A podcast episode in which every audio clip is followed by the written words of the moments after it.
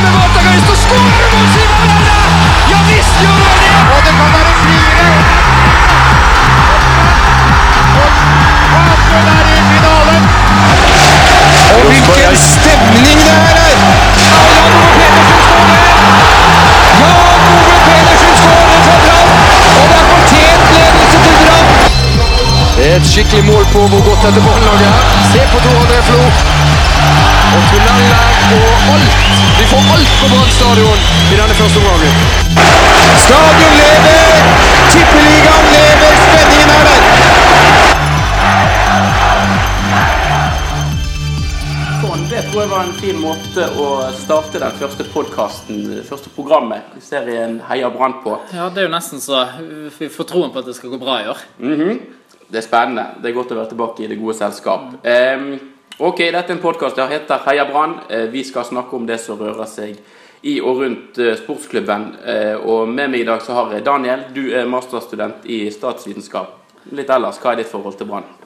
Jeg har jo gått på stadion helt siden jeg var liten. vokst opp på, på Landås. Har vært kort vei ned og har stått i klokkesvingen og revet meg i håret og, og jublet litt innimellom når jeg sett på, på Brann. Eh, Rent sportslig så eh, eh, kan jeg jo skryte av å ha spilt i en klubb som har eksportert mange Brann-spillere. da, eh, Sportsklubben Trane, Valde-brødrene, eh, Erik Birkelund, Bård Finne har jo spilt i SK Trane. Det er jo mitt, mitt største øyeblikk på fotballbanen er jo når jeg eh, holdt på å finne ut av spissplassen på juniorlaget til sportsklubben Trane. dere er ca. like gamle, eller? Ja, jeg var 18, og han var vel 12. eh, Men eh, eh, ja da, jeg holdt den plassen. Ja. ehm, andre mann med her i dag, Børge. Samfunnsøkonomi i, på Universitetet i Bergen, det er det du holder på med. Men ditt forhold til Brann, hva er det?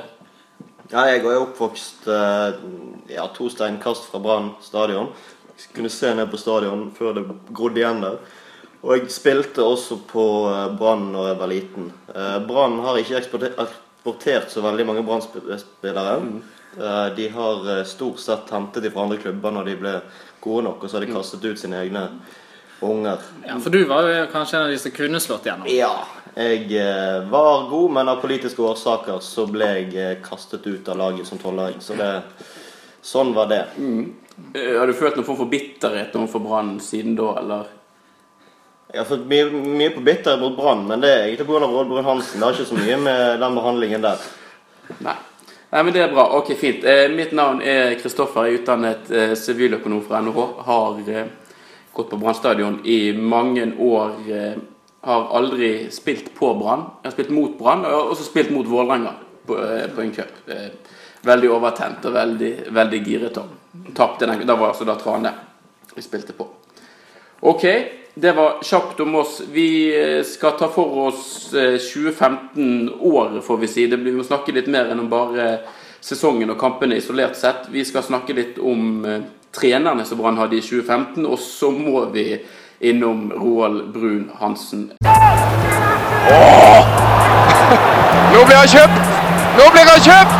Kjælåen! Nei! Nei! Ehm, Jeg foreslår jeg at vi begynner med årsmøtet. Dette var i begynnelsen av eh, mars. Eh, En del skriverier i forkant. Eh, Kjell Tenfjord foreslått som styreleder. Og så var det litt usikkerhet rundt hva som kom til å skje hvis han ikke fikk med seg alle de styremedlemmene som han ønsket.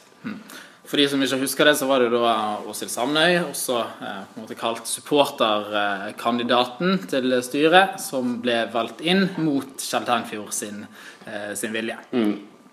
Eh, og da ble det jo et voldsomt rabalder. Kjell vi hadde jo tidligere på det årsmøtet fått beskjed om han, hva han ville gjøre hvis han ikke ble, eh, fikk med seg alle, sånn at man visste litt om premissene, hva man egentlig stemte på. Da var han vag og ville ikke gi noe endelig svar, men han trakk seg da som styreleder da han ikke fikk viljen sin. Eh, og det var altså flere andre som var tenkt å sitte i det styret, så også trakk seg i samme sleng. Så Brann hadde jo veldig lenge Det var jo et kaos i klubben allerede, og så plutselig var man uten både et fulltallig og beslutningsdyktig styre.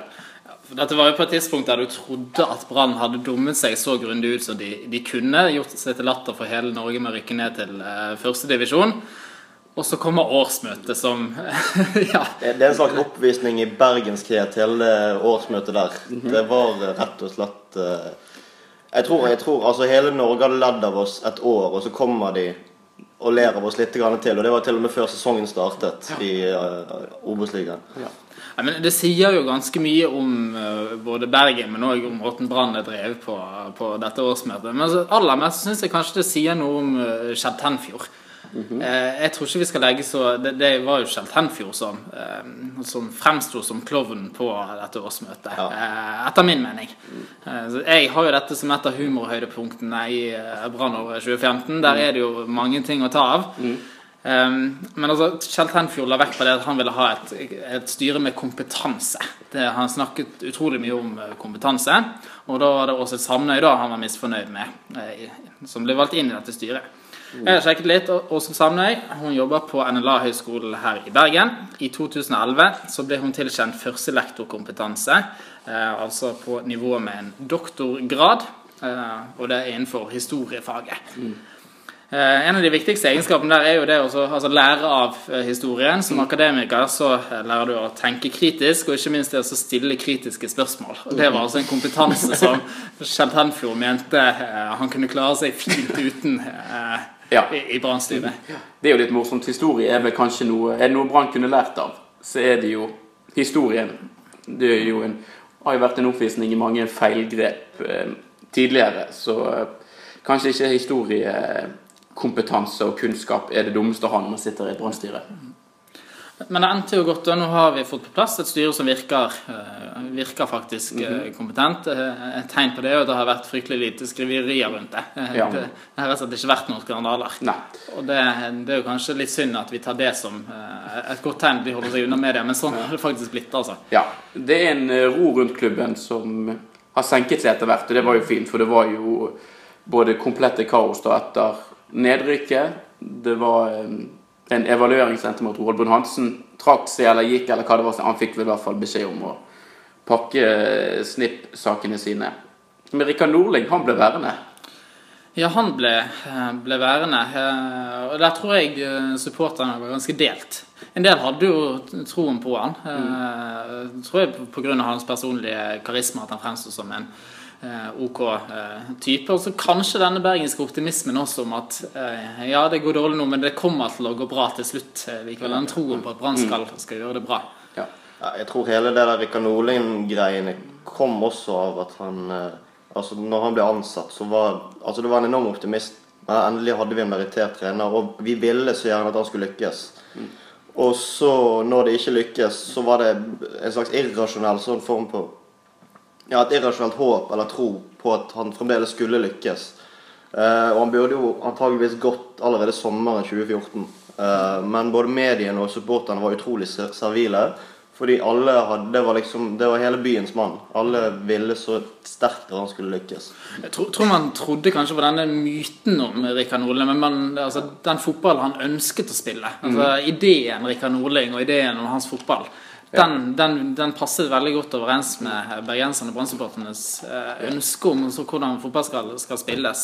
Så tok det vel, gikk det jo gradvis opp for oss at eh, det var en viss avstand mellom eh, ideal og virkelighet. Ja, men det var en voldsom kontrast òg til det som hadde vært sant, med, eh, med Rune Skarsfjord. og den Han kommuniserte jo av og til i hvert fall på en måte som mange supportere ikke likte. Eh, hadde jo en veldig tendens til å snakke Brann ned ofte. Eh, og det, det virket kanskje av og til så det manglet litt ambisjoner, og så kommer det inn på en måte rake motsetninger med en, en veltalende svenske som eh, han sa aldri at Brann skulle ta gull i, i 2015. Jeg, eh, det har vært en ting som har irritert meg litt. Det, der, det han egentlig sa, var jo det at hvis man som fotballklubb har som ambisjon å ikke gå på banen for å vinne, da, har du måte, da må du finne noe annet å holde på med. Og så ble det på en måte blåst opp og dratt ut. Og jeg, Eh, liker jo den innstillingen. Jeg tror at selv om eh, rent sånn sportslig så, så var det ikke noen suksess, men så eh, han bidro likevel til en slags optimisme og eh, oppstyr og interesse rundt Brann som jeg tror har vært positiv eh, for klubben, faktisk. Ja, det var en enorm entusiasme. Det, var, det, altså, det er jo rene komedien satt i etterkant, med den der mottakelsen han fikk på stadion med bluss og synging og og sånn i ettertid òg. Det var et engasjement som var helt eh, Jeg kan, jeg, kan ikke huske noe lignende. Så Det var jo selvfølgelig 2007. Eh, Og rundt da var det jo veldig gøy. Men de, de, den eksplosjonen som kom etter Rune Skarsfjord, som var mer eller mindre forhatt mot slutten Og så kommer, drar Roald Brun Hansen Rikard Norling opp av hatten, og det var helt eh, ja, Ja. utrolig sterkt. Hvis jeg får eh, Det går kanskje an å dra, ta, ta en teori fra eh, statsvitenskapen her, hvis jeg, eh, hvis jeg får lov da, mm. til det. Der snakker man om såkalte pendelsvingninger. At eh, det kommer noen moter, og så får man en motreaksjon som er det helt motsatte. Eh, og Innenfor ledelse så kan det være det at eh, ansatte skal ha mye autonomi, og så ser man at ok, det gikk litt for langt, og da får man en bølge med sterk styring.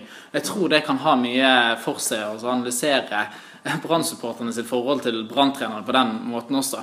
Vi hadde hatt Mons Ivar Mjelde med, med stein på stein, og Skarsfjord som heller ikke bidro til noe sånn å gi oss eh, troen, så kommer ikke han Nordling, som var motsetningen. Og nå, er vi, på en måte, nå har vi fått motreaksjonen igjen med Arne Nilsen. Da er det stril og én kamp om gangen. og Mm. jeg, tror, jeg tror nesten Brann og eh, Brann-supportere og bergensere er avhengige av det. Mm. at det varierer litt. Vi, vi går lei. Ja. Uh, Ja, du, da, jeg, tror, jeg tror ikke Lars Arne Nilsen snakket om opprykk i det hele tatt, nærmest før det var i boks, før denne Sogndal-kampen mot Kristiansund. Eh, og han sa jo sagt i ettertid det Jeg vet ikke om, hvor, om det er sant, men han sa at han, trodde, altså han var redd for at de kunne rykke ned når han kom og så på treningen. Det, det sier jo litt om mentaliteten hans. At han er litt uh, traustere enn eh, For jeg husker vi satt i høst og så snakket vi åh, det er så godt å ha en trener som, eh, som tar én kamp av gangen igjen, så ikke ser frem. Men, men året før der igjen så vi, satt vi og, og, snakket om at det er så godt å ha en trener som bidrar til optimisme og ser langt frem. Og, altså, eh, så det er jo en motsetning der. Ja. Eh, men tenker, Hvis vi bare ser litt på, eh, på 2015, da. Tar, eh, bare går kjapt gjennom det. Det begynte jo ganske greit for Brann, egentlig. Bortekamp mot Fredrikstad. er Helt ok. Men Brann ble jo på en måte ikke virkelig introdusert for Obos-ligaen, nivå 2 i Norge, før litt utpå året, egentlig. Altså det var Hødd hadde man jo dårlige minner fra eh, fra semifinalen i 2012, og så kom var det Jerv, som jo var skikkelig eh, Obos-nivå, selv om de, de holdt på til å klare å til og med rykke opp etter kvalik. Eh, og så kom det jo en del dårlige resultater. Det var uavgjort mot Hønefoss. Eh, ta, nei, uavgjort mot Nessotra på 16. mai etter å ha ledet 2-0 eh, hjemme. Og så denne her eh, forferdelige kampen i Levanger 26. mai. Så ble Rikard Nordlings siste kamp Og den var du på. Den kampen var jeg på. Det var en helt eh, eh, spesiell stemning. Og du, når det gikk utover i andre omgang der, og du, og du så bort på benkene, så så du han sto riktignok oppreist, han satte seg ikke ned, men det var en død mann som sto der. Han, han visste nok da, når eh, den kampen var over, at nå, eh, nå får jeg ikke lov til å fortsette. Jeg vet ikke om han hadde så lyst til å fortsette heller, for det, det gikk jo bare én vei. Nei, du sier at det begynte jo egentlig ganske eh, bra. Jeg var jo på tribunen i, Fredrikstad der, og for det første så var det ikke akkurat førstedivisjonsstemning. Det var vel 12 000 på eh, tribunen og, og fin eh, matte å, spille på. Ja. Eh, og og Brann hadde jo fortjent å vinne den kampen. De spilte ganske godt, var uheldig. Eh, Barmen hadde vel et skudd i stolpen, og det var mye uflaks. Og du satt igjen med en følelse av at for det første at vi, dette lover bra, nå sitter spillet litt. For det andre at Obos-ligaen trenger ikke å bli så ille hvis det er sånn som dette her eh, hver kamp. Men sånn ble det jo ikke. Det ble ikke det. Eh, og det, det, det er jo helt merkelig egentlig når man eh, ser tilbake på det. Altså sånn, du trodde jo på en måte egentlig at noen var, bunnen var nådd i, eh, 20, i 2014. Og så kommer altså da sånn som Hødd 3-0. Altså det, det går an å tape fotballkamper. Men det som jeg syns var helt sjokkerende, var jo måten av at noen av tapene kom på. Det var fryktelig dårlige prestasjoner. Ja. Og Hødd fremsto jo som et topplag eh, i den kampen mot Brann.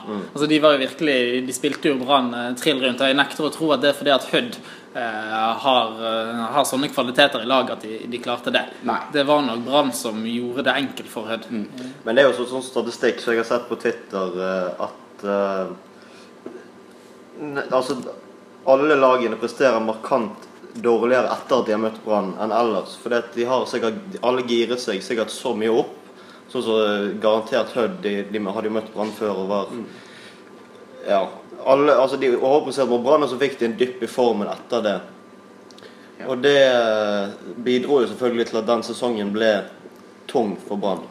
Det var jo sirkus. Det var jo eh, opptog og hornmusikk på hver eneste bortekamp. Og de spilte jo for, ikke bare spilte de for masse folk, de spilte på Brann stadion. Det, var jo, eh, det har jo aldri vært så mye folk på nivå to heller. Og det var jo mye pga. at Brann spilte der. Og det var jo en enorm Hele laget hadde en voldsom tiltrekning, men det var tydelig ekstra motivasjon blant motstanderne da Brann kom på besøk. Jeg tror at eh, 16. mai-kampen var et slags sånn øh, vende, vendepunkt. At folk skjønte at øh, ok, nå er det faktisk eh, realistisk at vi må tilbringe enda et år i denne divisjonen. Og ett år er på en måte en litt sånn eksotisk opplevelse. Det kan man tåle. Reise rundt og få se litt nye steder og eh, spille mot eh, sånne tullelag. Unnskyld eh, uttrykket, altså. Men eh, eh, som, vi, som vi gjorde i fjor. Men to år, det tror jeg hadde vært veldig ødeleggende. Både for interessen rundt Brann, for sponsormiddelet og, og, og for altså, Det er jo ingen spillere som ønsker seg til en klubb heller. Eh, nå kunne Brann hente ganske gode spillere fordi at eh, Ja. man regnet med at de skulle rykke opp. Ja, eh, det hadde jo gått altså, Brann hadde omtrent ikke overlevd. De måtte kutte helt til beinet. De er jo rød sone nå. Eh, Fotballforbundet sin rød sone rett og slett fordi de, de brukte veldig mye penger i fjor for å sikre seg at de kom rett opp. Og det gikk jo så vidt. Eh, og det hadde nok De hadde kjent på det i år hvis ikke de hadde rykket opp. Da tror jeg nesten de hadde gått konkurs. Ja, det, altså, det tror jeg hadde vært helt skjebnesvangert. Hadde de ikke kommet opp nå på første forsøk, så hadde det, det året som hadde kommet nå, blitt mye verre enn det som var. For det, det ble, som du sa, det ble et uh, unntaksår. Uh, og de kunne på en måte tillate seg å satse, men det innebar også at de, måtte rykke opp på første forsøk. Eh, og så snur det, etter hvert i hvert fall. Lars Arne Nilsen kommer inn og har jo en helt annen eh, tilnærming og måte å kommunisere på. og Alt han står ikke i dress på sidelinjen, han har på seg jogge, joggedress. Ja. Hva, eh, hva tenkte dere når han kom inn? Jeg tenkte Han var vel nevnt av noen før uh, Rikard Nolen kom. Jeg tenkte at han har fått til gode ting mot Hødd. Det var jo Nei, for meg Hødd, mener. Jeg var jo oppe og så denne jævlige kampen på Hødvold. Hødvoll. Og han, han, han skapte jo et veldig godt fotballag der oppe med ja, relativt små midler, sikkert. Fått frem gode fotballspillere. eh, og eksportert mange tippeligaspillere. Så jeg tenkte at det kunne være bra. Jeg visste jo ingenting om han, bortsett fra det at han hadde gjort Hødd til et tålelig bra lag. Så har det vel jo vært et sånn krav fra supporterne at Brann skal bli en mer sånn åpen klubb, ikke bli den sånn opphøyde, selvsikre, eh, lukkede gutteklubben. Og jeg tror han passer veldig godt inn i det bildet, sammen med eh, eh, Soltvedt som sportssjef, for da var han vel kun konstituert. Men det, det, du så at de to var litt av samme type når man trodde på på den ideen eh, om å bygge fotballklubb som de står for. Ja, han fikk jo en fin start. Det bare her oppe kampen de spilte. altså 2-1 hjemme mot Follo. Så 3-2 borteseier mot Åsane. Der kom jo Brann tidlig under 2-0, men gjorde noe de ikke har gjort på veldig veldig lenge. Og så komme tilbake igjen etter å ha ligget under 2-0. Eh, og til slutt å vinne 3-2. Det kan jeg ikke huske omtrent sist Brann gjorde. Inntil seriekamp. Eh, og så kom det jo et skikkelig skudd for baugen med 4-0 hjemme for Sogndal. Ja, Da, da traff Brann rett og slett et skikkelig godt fotballag. I hvert fall på det nivået. Sogndal har gjerne ikke de beste enkeltspillerne, men de har et veldig godt organisert lag, og de vet veldig godt hva Obos-ligaen betyr. Hva det er for noe. Men jeg tror det var godt at det tapet kom mot Sogndal.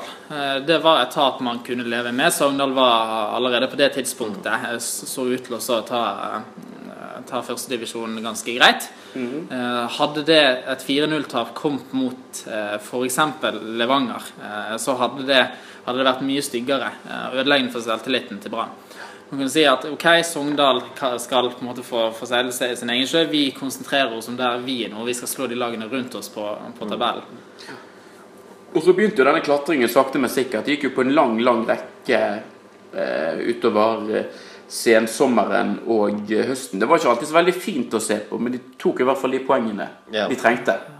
Og ofte, eh, ofte rett før slutt. Jeg husker jo hvor mange ganger Asa Karadas kom inn og, og snudde det. Det var ikke noe behagelig tilværelse som supporter. Eh, eh, Jeg tror ikke det var en eneste rolig kamp. I hvert fall jeg kan huske.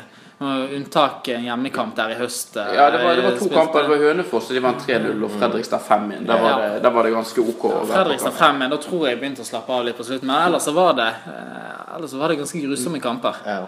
Ja. Og, det, og det den, den høsten også skapte, det er jo det er to skulle du si, ja, veldig kanskje usannsynlige helter, eh, i hvert fall på det tidspunktet. Det var eh, Asa Karada, som er- begynner å bli en gammel mann etter hvert. Han har blitt en brannlegende nå. Og så er det Kristoffer Barmen av alle. Eh, kanskje den i den stallen som er der nå, som har fått mest skjellsår etter seg. Som plutselig drar opp to helt vanvittige straffespark. Og eh, ja, jeg eh, at, at de to skulle bli så avgjørende, hadde jeg aldri trodd. Nei. Kristoffer Barmen var jo en som Og det tror ikke jeg har noe med noe personlig var rett og slett at treneren lot han spille når uh, vi hadde inntrykk av at det var andre bedre alternativer tilgjengelig. Eh, men han har jo tatt steg. Altså, det er jo ikke bare det at uh, han har gjort sånne enkeltting som å sette straffer. Han har jo blitt en bedre spiller. Ja, ja, ja, han har blitt veldig god.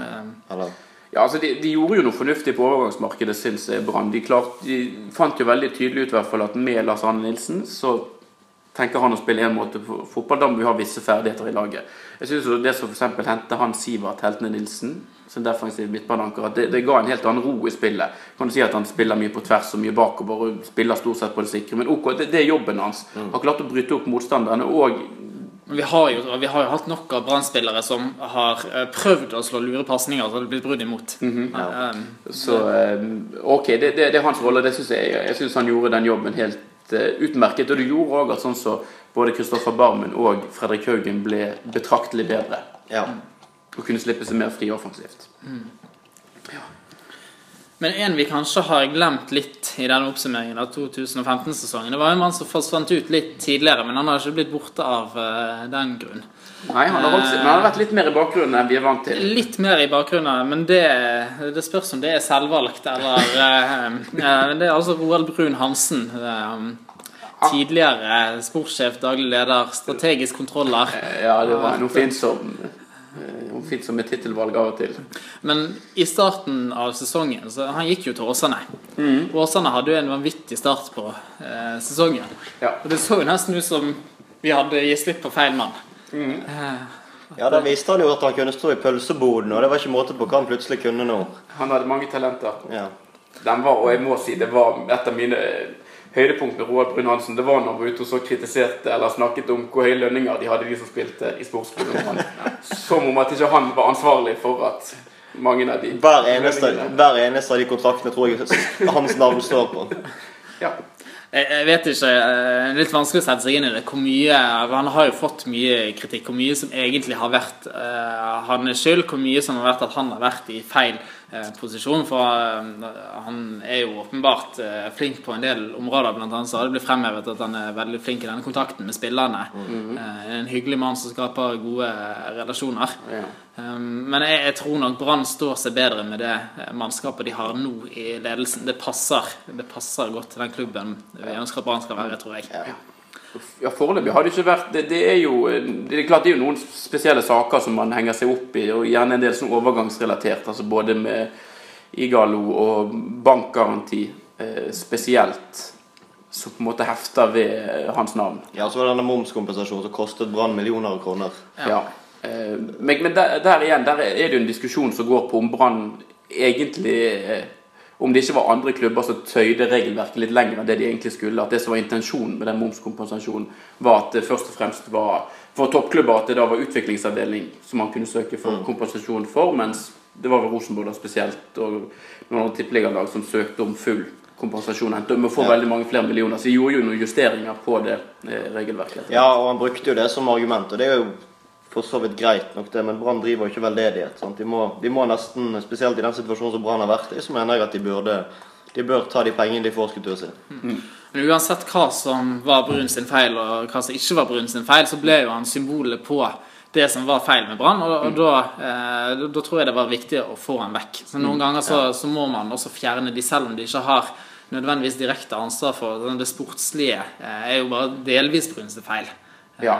kan vi si. Men eh, det var nok riktig å fjerne han likevel, for å få en sånn ny start. Bygge opp igjen relasjonen til omgivelsene eh, rundt Brann, spesielt supporterne. Ja. Men, men jeg, vi, altså, vi nevnte jo det at Roald Brun ikke har holdt seg helt vekke fra, fra rampelyset. Jeg, jeg, fjorårets eh, Brun-høydepunkter eh, det, det er to episoder her. For i mars så var han ute i Bergens Tidende og eh, sa vi må finne penger til å la kompetente folk drive idretten i det nye anlegget i Åsane. Det skal bygges idrettspark ute på Myrdal. Myrdal. Uh, vi hadde vel en viss anelse allerede da uh, eh, om man kanskje siktet til noen spesielle. Hadde noe i kikkerten, kanskje? Det skal du ikke se helt bort ifra. Uh, Og I august så kom nyheten om at Roald Brun Hansen er ny daglig leder for utbyggingen, utbyggingen av Myrdal idrettspark. Det var det, Ja. Det er, Trond Moen, er ikke han med på finansieringen der ute? De, det er vel kjent. Det er vel en kjensgjerning at de, de er i hvert fall ikke uvenner. Nei, de kommer De godt overens, tror jeg. Ja. Som en sånn bonusopplysning så skal jo dette nye idrettsanlegget inneholde turnhall. Mm. Og Der vet vi jo at Brun er særdeles kompetent. Han har jo stumpet kompen og stått på hender foran TV 2-kameraer eh, før. Det har han. Husker med Gru, det var vel, Jeg lurer på om de skulle hente David Nilsen på en flyplass i Spania. eller et eller annet. De var på treningsleir, og han snurra hjul på flyplassen. Så det Det var jo litt sprell med Brun, da. Det var, eh, det var mye oppmerksomhet på, på godt og vondt, og det er godt at han er i en stilling der han får mulighet til å uttale seg. Og vi har, han, han er synlig i mediebildet fremdeles. Ja. Så det skal bli, vi skal følge Brun tett fremover i podkasten. Det skal vi. Kanskje det til og med blir en, en egen spalte. Hva har gjort Brun gjort denne gangen? Det tror jeg rett og slett var det vi hadde for eh, denne gang. Vi kan bare avslutningsvis si at ambisjonen her er jo Det kommer ikke til å være en sånn fast utgivelse, dette. Om det blir en gang i uken, kanskje litt i overkant, men mer enn en gang i måneden bør vi jo kunne klare å få til. Ja. Tror dere det? Ja. Veldig bra. Da eh, Det nærmer seg jo seriestart. Det er rekordtidlig seriestart i 2016 i Norge. Så neste gang så må vi jo prate litt om både oppkjøringen til Brann og hva, er, hva man kan forvente av sportsklubben Brann i comeback-året 2016 i Tippeligaen. Ja. Vi er vitne til hvor fascinerende egentlig fotball er. Her hadde Brann store problemer, eh, måtte bytte noen spillere. Sleit veldig. Rosenborg kom, utligna. Rosenborg hadde sjanser. Så kommer Brann tilbake og går opp i ledelsen på dette fantastiske skuddet. Det er ikke noe rart i at hele verden er glad i fotball.